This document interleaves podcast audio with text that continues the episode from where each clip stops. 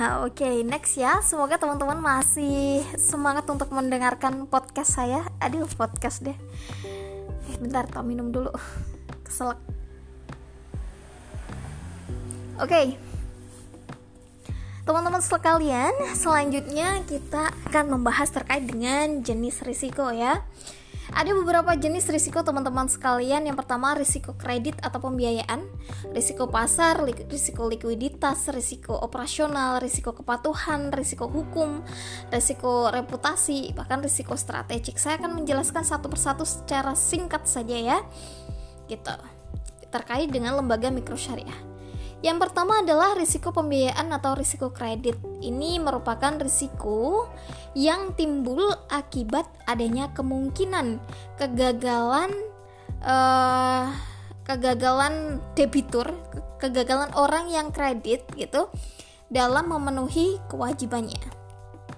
Yang kedua adalah risiko pasar Risiko pasar ini merupakan risiko kerugian yang terjadi pada portofolio atau pada sahamnya lembaga mikrosyariah tersebut akibat adanya pergerakan nilai tukar maupun suku bunga gitu kan? Suku bunga dalam hal ini tetap berpengaruh gitu karena memang e, kita menggunakannya equivalent rate gitu kan Nah, yang termasuk risiko pasar apa aja? Misalnya risiko tingkat suku bunga, risiko pertukaran mata uang, termasuk juga risiko likuiditas atau ketidakmampuannya dalam memenuhi kewajiban secara jatuh tempo. Selanjutnya adalah risiko operasional, teman-teman sekalian. Risiko operasional ini adalah risiko yang disebabkan oleh ketidakcukupan atau tidak optimalnya fungsi internal dalam perusahaan tersebut misalnya human error atau kegagalan lain yang mempengaruhi proses operasional. Nah, risiko operasional pada lembaga mikro syariah ini terdiri dari risiko reputasi ya. Reputasi apa namanya? LMS, kemudian risiko kepatuhan, risiko transaksi, risiko strategi maupun risiko atas hukum. Gitu ya. Nah, selanjutnya adalah risiko reputasi.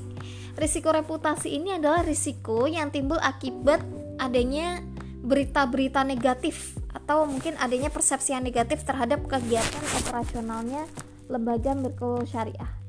Penyebabnya apa? Macam-macam. Misalnya pelanggaran aturan, pelanggaran fatwa dan seterusnya.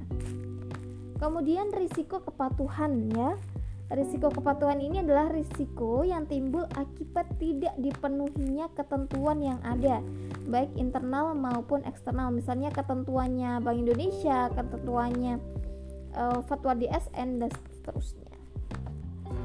Selanjutnya adalah risiko strategi.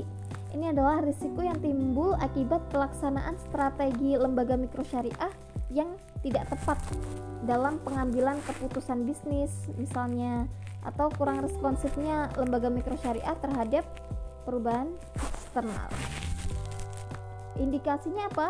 Ya targetnya nggak tercapai gitu. Selanjutnya adalah risiko transaksi. Ini adalah risiko yang timbul akibat permasalahan dalam pelayanan produk yang disediakan. Selanjutnya ada risiko hukum gitu teman-teman ini adalah risiko yang timbul akibat kelemahan aspek yuridis dari lembaga mikro syariah. Misalnya adanya tuntutan hukum, gitu kan? Atau mungkin tidak adanya peraturan yang mendukung perjanjian, misalnya eh, apa namanya izinnya itu ternyata tidak sesuai dan sebagainya. Gitu ya dampak risiko dari hukum ini besar teman-teman sekalian. Misalnya penarikan besar-besaran dari nasabah kemudian ditutup oleh OJK misalnya seperti itu maupun kebangkrutan karena masyarakat sudah nggak percaya lagi. Begitu